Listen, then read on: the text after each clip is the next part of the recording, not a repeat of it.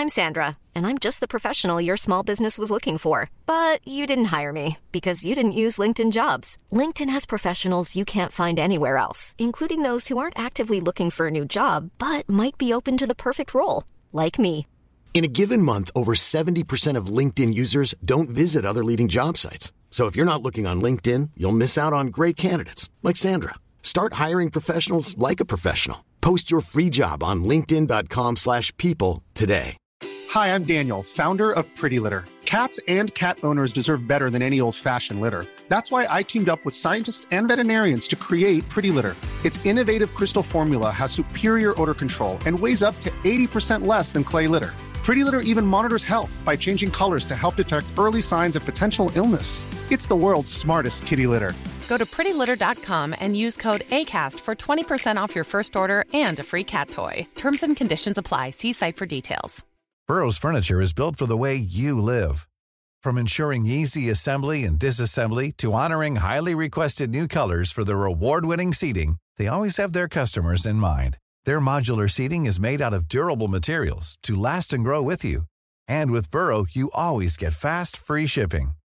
Get up to 60% off during Burrow's Memorial Day sale at burrow.com slash ACAST. That's burrow.com slash ACAST.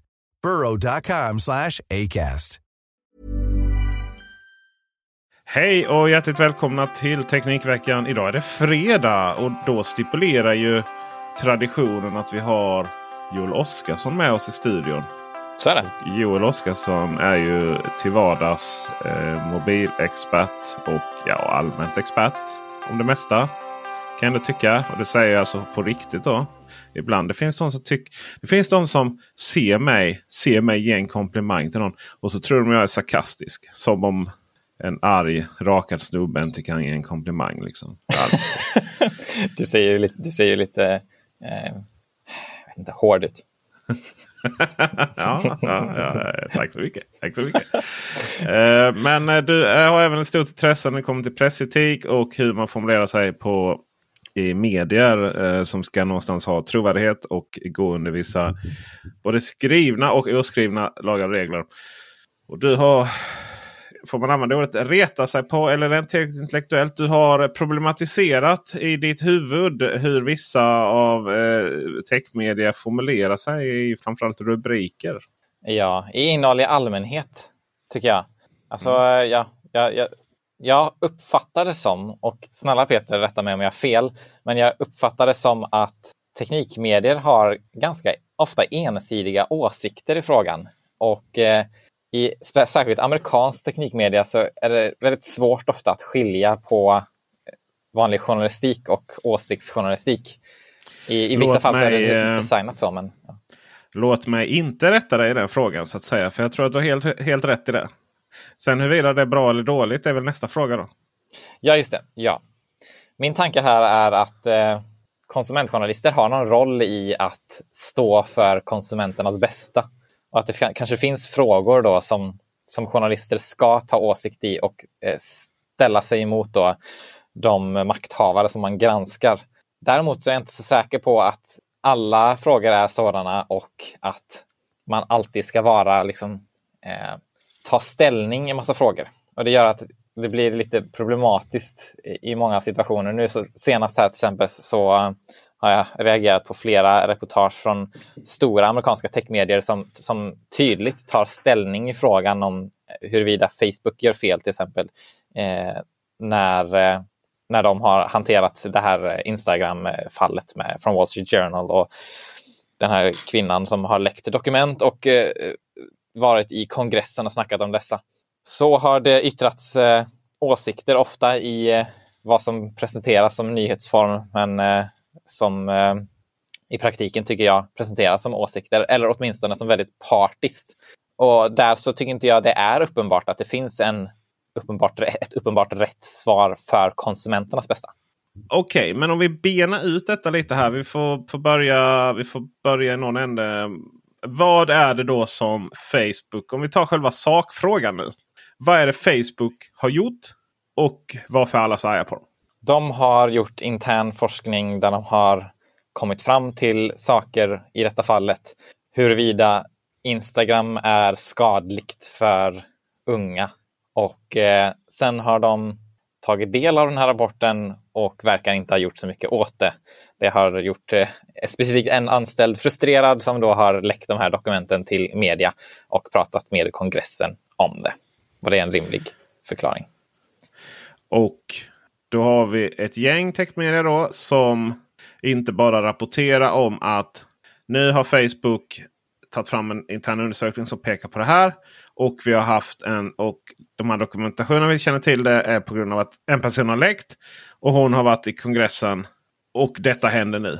Utan då har man gjort, då har man lagt det mer en värdering i detta då menar du? Ja, alltså väldigt uppenbart så.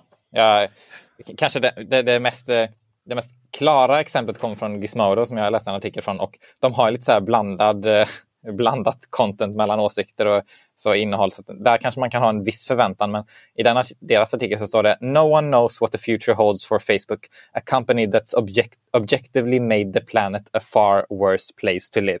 Det påståendet är ju ganska så magstarkt alltså. Det får jag ju ge dig.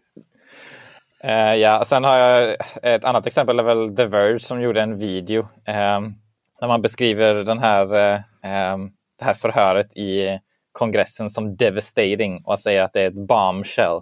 Um, använder väldigt sådana starka ord. Och dessutom så är det väldigt underligt klippt där eh, reporten citerar den här personen som då har vittnat och sen klipper de bort eh, från det vanliga citatet till en annan miljö där reporten säger “The only way it gets better is if Congress steps in”. Ganska starkt.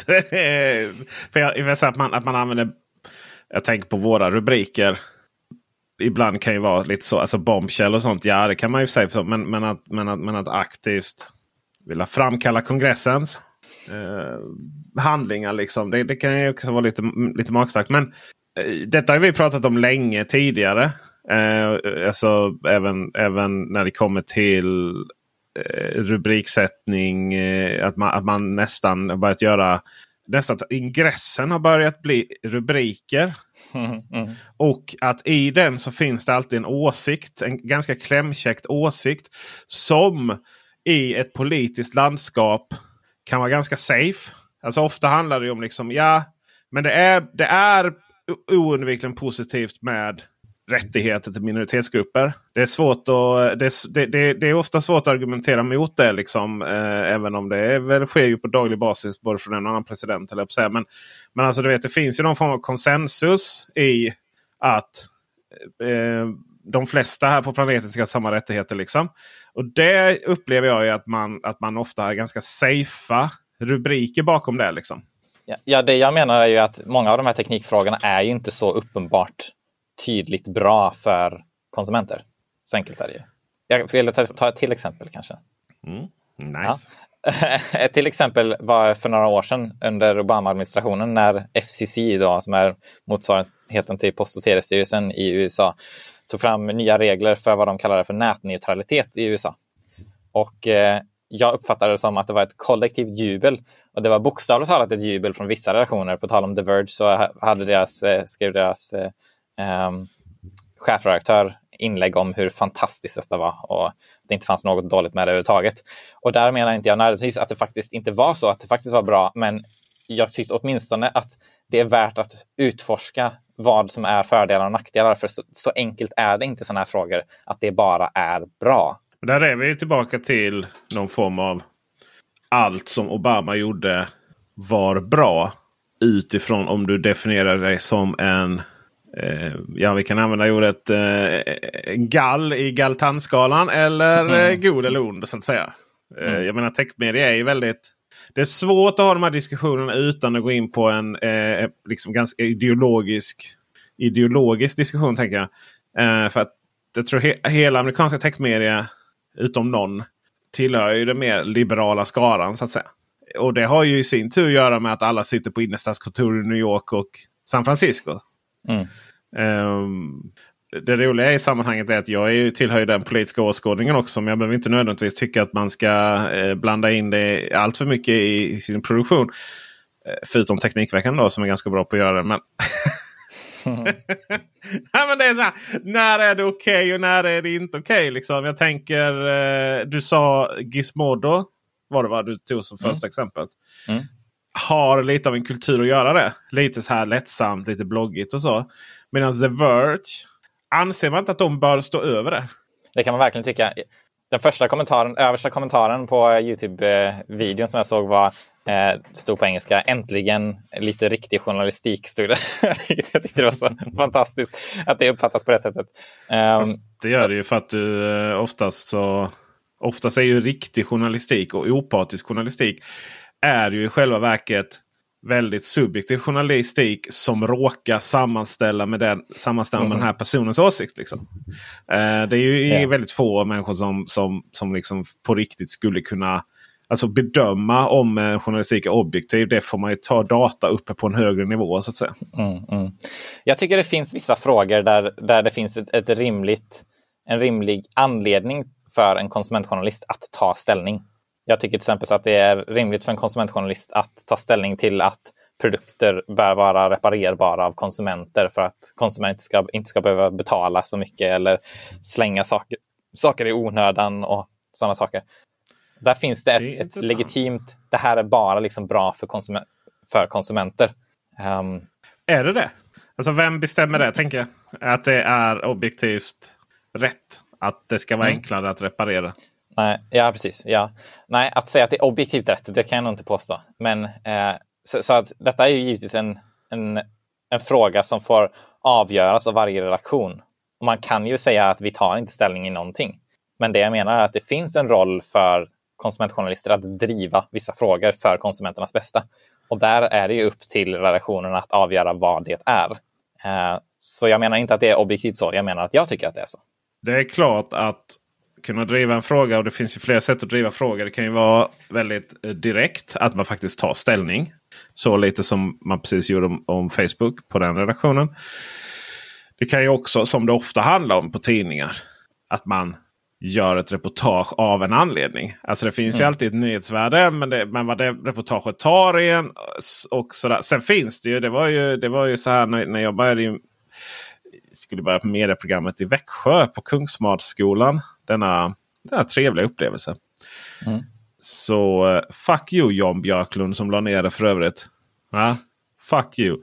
I vilket fall som helst så, så gick man ju dit där och hade liksom. Ja men journalistik ska vara objektivt. Liksom. Ja. Uh, och ja, jo, fast nej. det var så här, det går ju nej. inte. Det finns ju ingen journalistik någonsin som har varit objektiv. Det funkar ju inte. Nej, nej, det går ju inte. Och, och sen var det ju också så här menade ju han på som hade så 19 år på, eh, på SVT. Eh, var det så att nej, alltså du ska jag tror och, och, eh, opartisk var väl nog eh, ordet som man egentligen blandar ihop med objektivt. Men mm. han menar ju på att man är ju jättepartisk.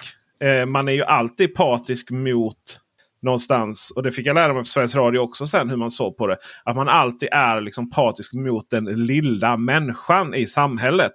Om man får använda mm. det ordet. Det vill mm. säga att man om, om, om, det har, om det är en enskild människa som, som har en liten batalj mot myndigheter. Då kommer man liksom alltid oundvikligen att välja sidan för den lilla människan som en standardgrej. Sen kan det ju visa sig att, att människan är helt ute och cykla och myndigheterna har helt rätt. Och då får, någonstans får man ju ändra sig. Men just att man alltid ändå någonstans tar ställning. Och det är inte, o, det är inte helt orimligt att tycka att kanske att, en, att, att om någon ens iPhone går sönder och det är liksom komponentnivå. Och Apple säger att ni, nej, nej, ni får slänga den här och, och köpa en ny. Eller ni får liksom en ny på reparationspris. Och sen så finns det massvis där ute som faktiskt kan laga den och Apple kämpar mot det. Det är inte helt orimligt att hamna i en, en slutsats att man faktiskt lyfter upp det dilemmat. Det kan jag verkligen hålla med om. Eh, nästa grej som jag också kan hålla med om är ju att det är ju lite svettigt för techmedia, även de amerikanska techmedierna att försöka rädda alla, framförallt unga tjejer ifrån från normer som, som rasar över en på Instagram. Eh, det kan också mm. vara lite tufft kanske. Eh. This Mother's Day, celebrate the extraordinary women in your life with a heartfelt gift from Blue Nile. Whether it's for your mom, a mother figure, or yourself as a mom, find that perfect piece to express your love and appreciation. Explore Blue Nile's exquisite pearls and mesmerizing gemstones that she's sure to love. Enjoy fast shipping options like guaranteed free shipping and returns. Make this Mother's Day unforgettable with a piece from Blue Nile. Right now, get up to 50% off at BlueNile.com. That's BlueNile.com. Hey, I'm Ryan Reynolds. Recently, I asked Mint Mobile's legal team if big wireless companies are allowed to raise prices due to inflation. They said yes. And then when I asked if raising prices technically violates those onerous two year contracts, they said, What the f are you talking about, you insane Hollywood ass? F- So to recap, we're cutting the price of Mint Unlimited from $30 a month to just $15 a month. Give it a try at mintmobile.com slash switch. $45 upfront for three months plus taxes and fees. Promo for new customers for limited time. Unlimited more than 40 gigabytes per month. Slows. Full terms at mintmobile.com. I'm Sandra, and I'm just the professional your small business was looking for. But you didn't hire me because you didn't use LinkedIn jobs. LinkedIn has professionals you can't find anywhere else, including those who aren't actively looking for a new job but might be open to the perfect role, like me. In a given month, over 70% of LinkedIn users don't visit other leading job sites. So if you're not looking on LinkedIn, you'll miss out on great candidates like Sandra. Start hiring professionals like a professional. Post your free job on linkedin.com/people today. Everyone knows therapy is great for solving problems, but getting therapy has its own problems too, like finding the right therapist, fitting into their schedule, and of course, the cost. Well, BetterHelp can solve those problems. It's totally online and built around your schedule. It's surprisingly affordable too. Connect with a credentialed therapist by phone, video, or online chat, all from the comfort of your home. Visit betterhelp.com to learn more and save 10% on your first month. That's BetterHelp H E L P. Wow. Nice. Yeah. What you're hearing are the sounds of people everywhere putting on Bombas socks, underwear, and t-shirts made from absurdly soft materials that feel like plush clouds. Yeah, that plush. And the best part? For every item you purchase, Bombas donates another to someone facing homelessness. Bombas. Big comfort for everyone. Go to bombas.com slash ACAST and use code ACAST for 20% off your first purchase. That's bombas.com slash ACAST. Code ACAST. Men är det, är det ledarsidor vi behöver kanske istället? Jag menar, du, du, om du tar vanlig mainstreampress så har man ju ledarsidor och kontra eh, journalistik. Och, och de kan ju stå raka. Du har ju sett på DN bland annat samma med vaccinationen. Då kan ju ledarsidan ha en väldigt stark åsikt och, och, och även hävda den på debattsidan då vilka man tar in. Samtidigt som vetenskapsjournalist journalisterna och vanliga mainstreamjournalister kanske rapporterar raka motsatsen. Hade det varit spännande eller, eller, eller, eller blir det för seriöst för techmedia att hålla på så? Nej, det är exakt så techmedia borde arbeta. Och det är så techmedia arbetar till viss del. Det finns ju åsikts, tydligt eh, markerade åsiktsartiklar också. Det, blir, det som blir så konstigt är att när man, när man har en åsiktsartikelserie som är väl uppmärkt och sen blandar man in åsikter i den vanliga journalistiken ändå. Det, som läsare uppfattar jag det som att som läsare så förväntar man sig att ah, den här åsiktsjournalistiken finns här borta. Med andra ord så finns det inga åsikter i den andra. För varför markera den ena som en åsiktsjournalistik om allt är åsiktsjournalistik? Ja, um, ja, och, då, och då blir det väldigt förvirrad, förvirrat och jag tror att många inte eh, kan se igenom det. Och då, eh, ja, det, det, är inte bra för journalistiken för det förstör dess rykte eh, som en en part som inte kan vara opartisk eller som inte ens försöker vara det. För precis som ja. du säger så det finns ju ingen objektivitet i en människa. Man, man går inte från jobbet och sen in i en garderob, står och stirrar in i väggen, sen går tillbaka till jobbet nästa dag. Utan man, man har ju livsupplevelser som påverkar, påverkar ens åsikter. Men det viktiga är att vara medveten om det och göra sitt bästa för att skapa en så, en så opartisk produktion som möjligt där folk själva kan ta ställning i frågor. Det är inte i mitt vanliga nyhetsrapportering så är det inte mitt jobb att berätta vad du ska tycka och bara presentera ena sidan. Jag ska försöka presentera en så opartisk roll som möjligt. Men när jag skriver en recension så är det uppenbart en åsiktstext. Um, och där kan jag ta ställning till vad jag anser är en bra smartphone-kamera. För det finns inte nödvändigtvis en objektiv definition av det, men jag försöker eh, ha en åsikt som är så representativ som jag tycker bara är möjlig. Och eh, men, men, det måste vara tydligt och det är det inte de här, i de här texterna. Och det, det förstör ryktet för journalister som, som eh, visar sig vara inkapabla till att göra ett bra journalistiskt arbete. Hur mycket tror du det här påverkar läsarna i allmänhet? Deras åsikter påverkar oss, av, påverkar oss avsevärt tror jag. Mm, men eh, ja, det tror jag. Eh, men tror du de så att säga analyserar det? Och nummer två, Alltså tror du läsarna generellt upplever att de får minskad eh, trovärdighet från den här eh, publikationen? Eller får de snarare mer trovärdighet baserat mm. på att inte nog med att de gör awesome tech-videos och tech-recensioner och skriver awesome nyheter. De håller ju dessutom med mig. Ja, eh, det, är möjligt, det är möjligt att många personer som håller med om de här frågorna in, har högt förtroende för de här personerna. Det som är mest skadligt är ju den, den del av samhället som inte håller med om detta och som ser en, en vägg av personer som presenterar sig som objektiva och som uppenbart inte är det och som inte låter andra åsikter komma fram. Det är ju de personerna som, som får ett starkt, kanske förakt till och med mot, mot journalister för att de ser dem som, som partiska. Ja, det är rätt intressant. Den här objektivitetsboxen. Jag kan säga det lite som om du har, du vet om du har en tidslinje med ljudvågor. Och sen så ska du liksom klippa ut Så har du startpunkt och slutpunkt eh, i den här tidslinjen av alltså ljud. Kan du se det framför dig lite hur du mm har redigerat film? Liksom? Ja. Och, och då är liksom den här, den här boxen av marker, markeringen är liksom vad som anses objektiv i samhället. Alltså ren objektivitet då. Eh, det vill mm säga att när man någonstans har kommit fram till att... Ja, men, eller objektivt, men alltså någonstans man, man pratar om vilka, som, vilka värden som någonstans alla kan enas om. Eh, typ liksom Normer att, helt enkelt. Ja men normer att ja, men du, får inte gå, du får inte gå och kniva någon på stan. Alltså det, det är inte jätteprovocerande i samhället. Precis, det är en ganska tydlig norm i samhället. Det är också ganska tydligt att säga liksom, men alla ska ha samma rättigheter. Eh, Även om det är väldigt sällan det är så i samhället. Men, men, men, alla kan väl enas om liksom att du får inte diskriminera någon på grund av att man tillhör en minoritet. Um, sådär. Och det finns lagar och regler runt det också. Liksom. Men jag menar, det är ju, det är ju inte heller, det är också en ganska tydlig norm liksom, att du inte får bli påhoppad på stan för att du är mörkhyad. Liksom. Um, men den kan ju flyttas den boxen. I vad som är objektivt. Uh, hela tiden. Det är egentligen ingen, det är ju ingen naturlag var den ligger. Och jag tror att, och jag tror att eh, den har nog flyttats rätt mycket åt om vi tar en väldigt traditionell eh, om vi tar en väldigt traditionell eh, höger-vänster-skala så, så tror jag att eh, man har som en backlash, framförallt i USA, att väldigt många, väldigt många aggressiva människor försökte flytta den till höger. Så tror jag det blev en backlash att den flyttades till vänster. Och helt plötsligt så är det okej okay från alla parter att hata lite på Silicon Valley. Liksom.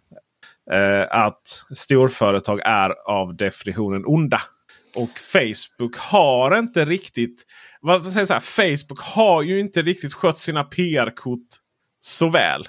Nej, verkligen inte. Och, Katastrof är det ja, ja, skönt ändå att vi delar verkligheten. Och helt plötsligt så är det hunting season på det bolaget. Och då ja. någonstans har vi hamnat här tror jag. Eh, faktiskt. Eh, ja, och det, och det är där jag tycker, och jag håller med dig, det är en skitbra analys. Exakt så tror jag också att det är. Och det är så tydligt hur det har förändrats. För, för tio år sedan om du läste techmedia så var alla överens om att teknik was the shit. Det fanns ingenting dåligt med det. Sociala medier skulle demokratisera och förändra världen. Det finns ingen anledning till att kritisera de här teknikföretagen överhuvudtaget. Och sen 2016 så ändrade alla åsikter. eh, och eh, dessutom så skiljer det sig så otroligt mycket rent geografiskt. Alltså prata till exempel om nätneutralitet i USA och eh, teknikmedia är eh, enligt min uppfattning väldigt överens om att man ska reglera eh, teleoperatörerna jättemycket. Och när man snackar om nätneutralitet så snackar man specifikt ofta om någonting som kallas zero rating, där man säger att vissa tjänster inte behöver inkluderas i surfpotter. Medan i EU så har vi nätneutralitetslagstiftning, men den påverkar inte överhuvudtaget zero rating och det är fullständigt det. okontroversiellt. Ännu. Ännu. Eh, ännu, ännu, ja. ja. Eh, och så som jag uppfattar det i EU så är det relativt okontroversiellt. Eh, och att bilden i teknikvärlden i olika geografiska områden om vad nätneutralitet ens är eller borde vara skiljer sig jättemycket.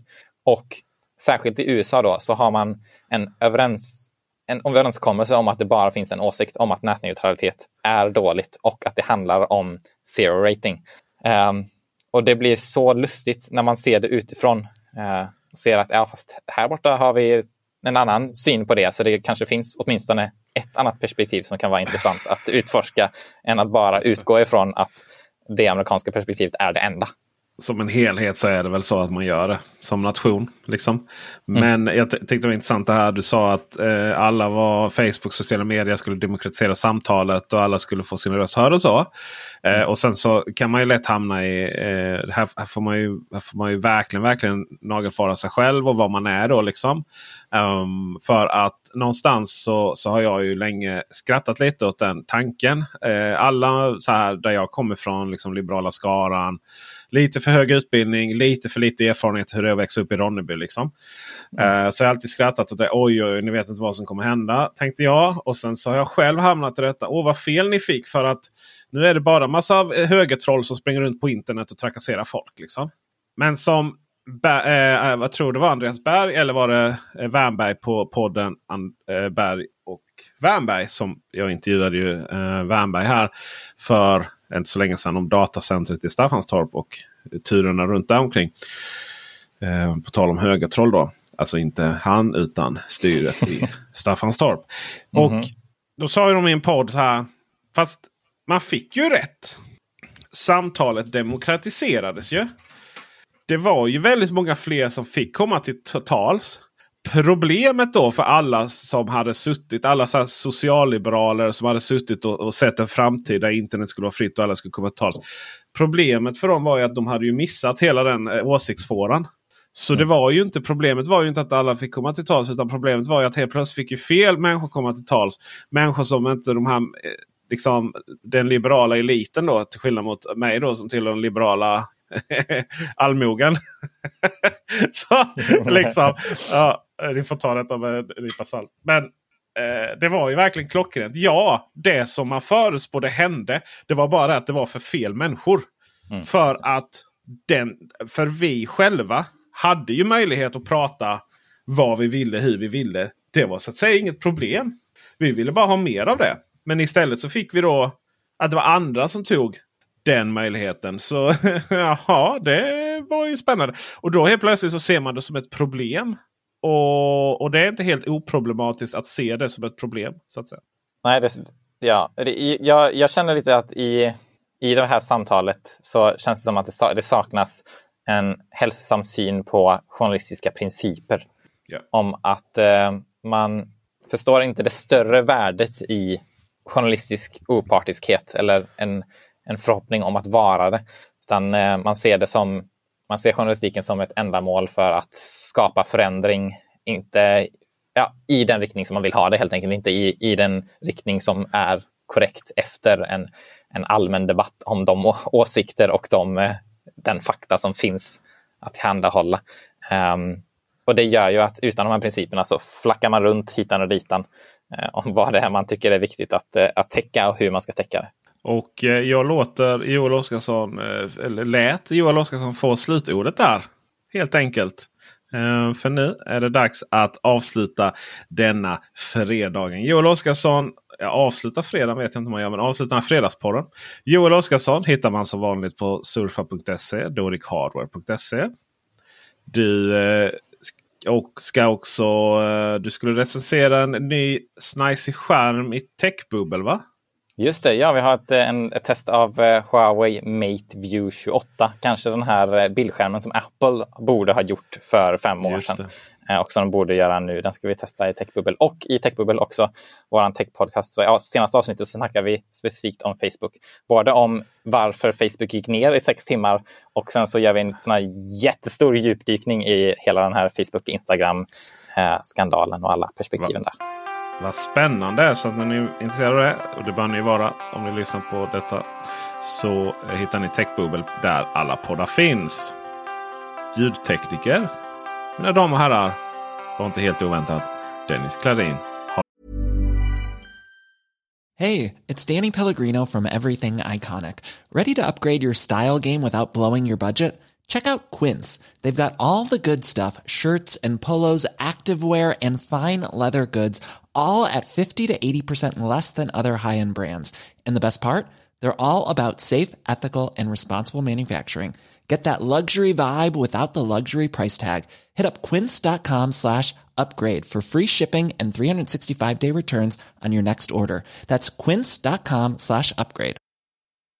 When you need mealtime inspiration, it's worth shopping Kroger, where you'll find over 30,000 mouthwatering choices that excite your inner foodie. And no matter what tasty choice you make, you'll enjoy our everyday low prices, plus extra ways to save, like digital coupons worth over $600 each week. You can also save up to $1 off per gallon at the pump with fuel points. More savings and more inspiring flavors make shopping Kroger worth it every time. Kroger, fresh for everyone. Fuel restrictions apply. Ha det bra så hörs vi syns vi. Hej!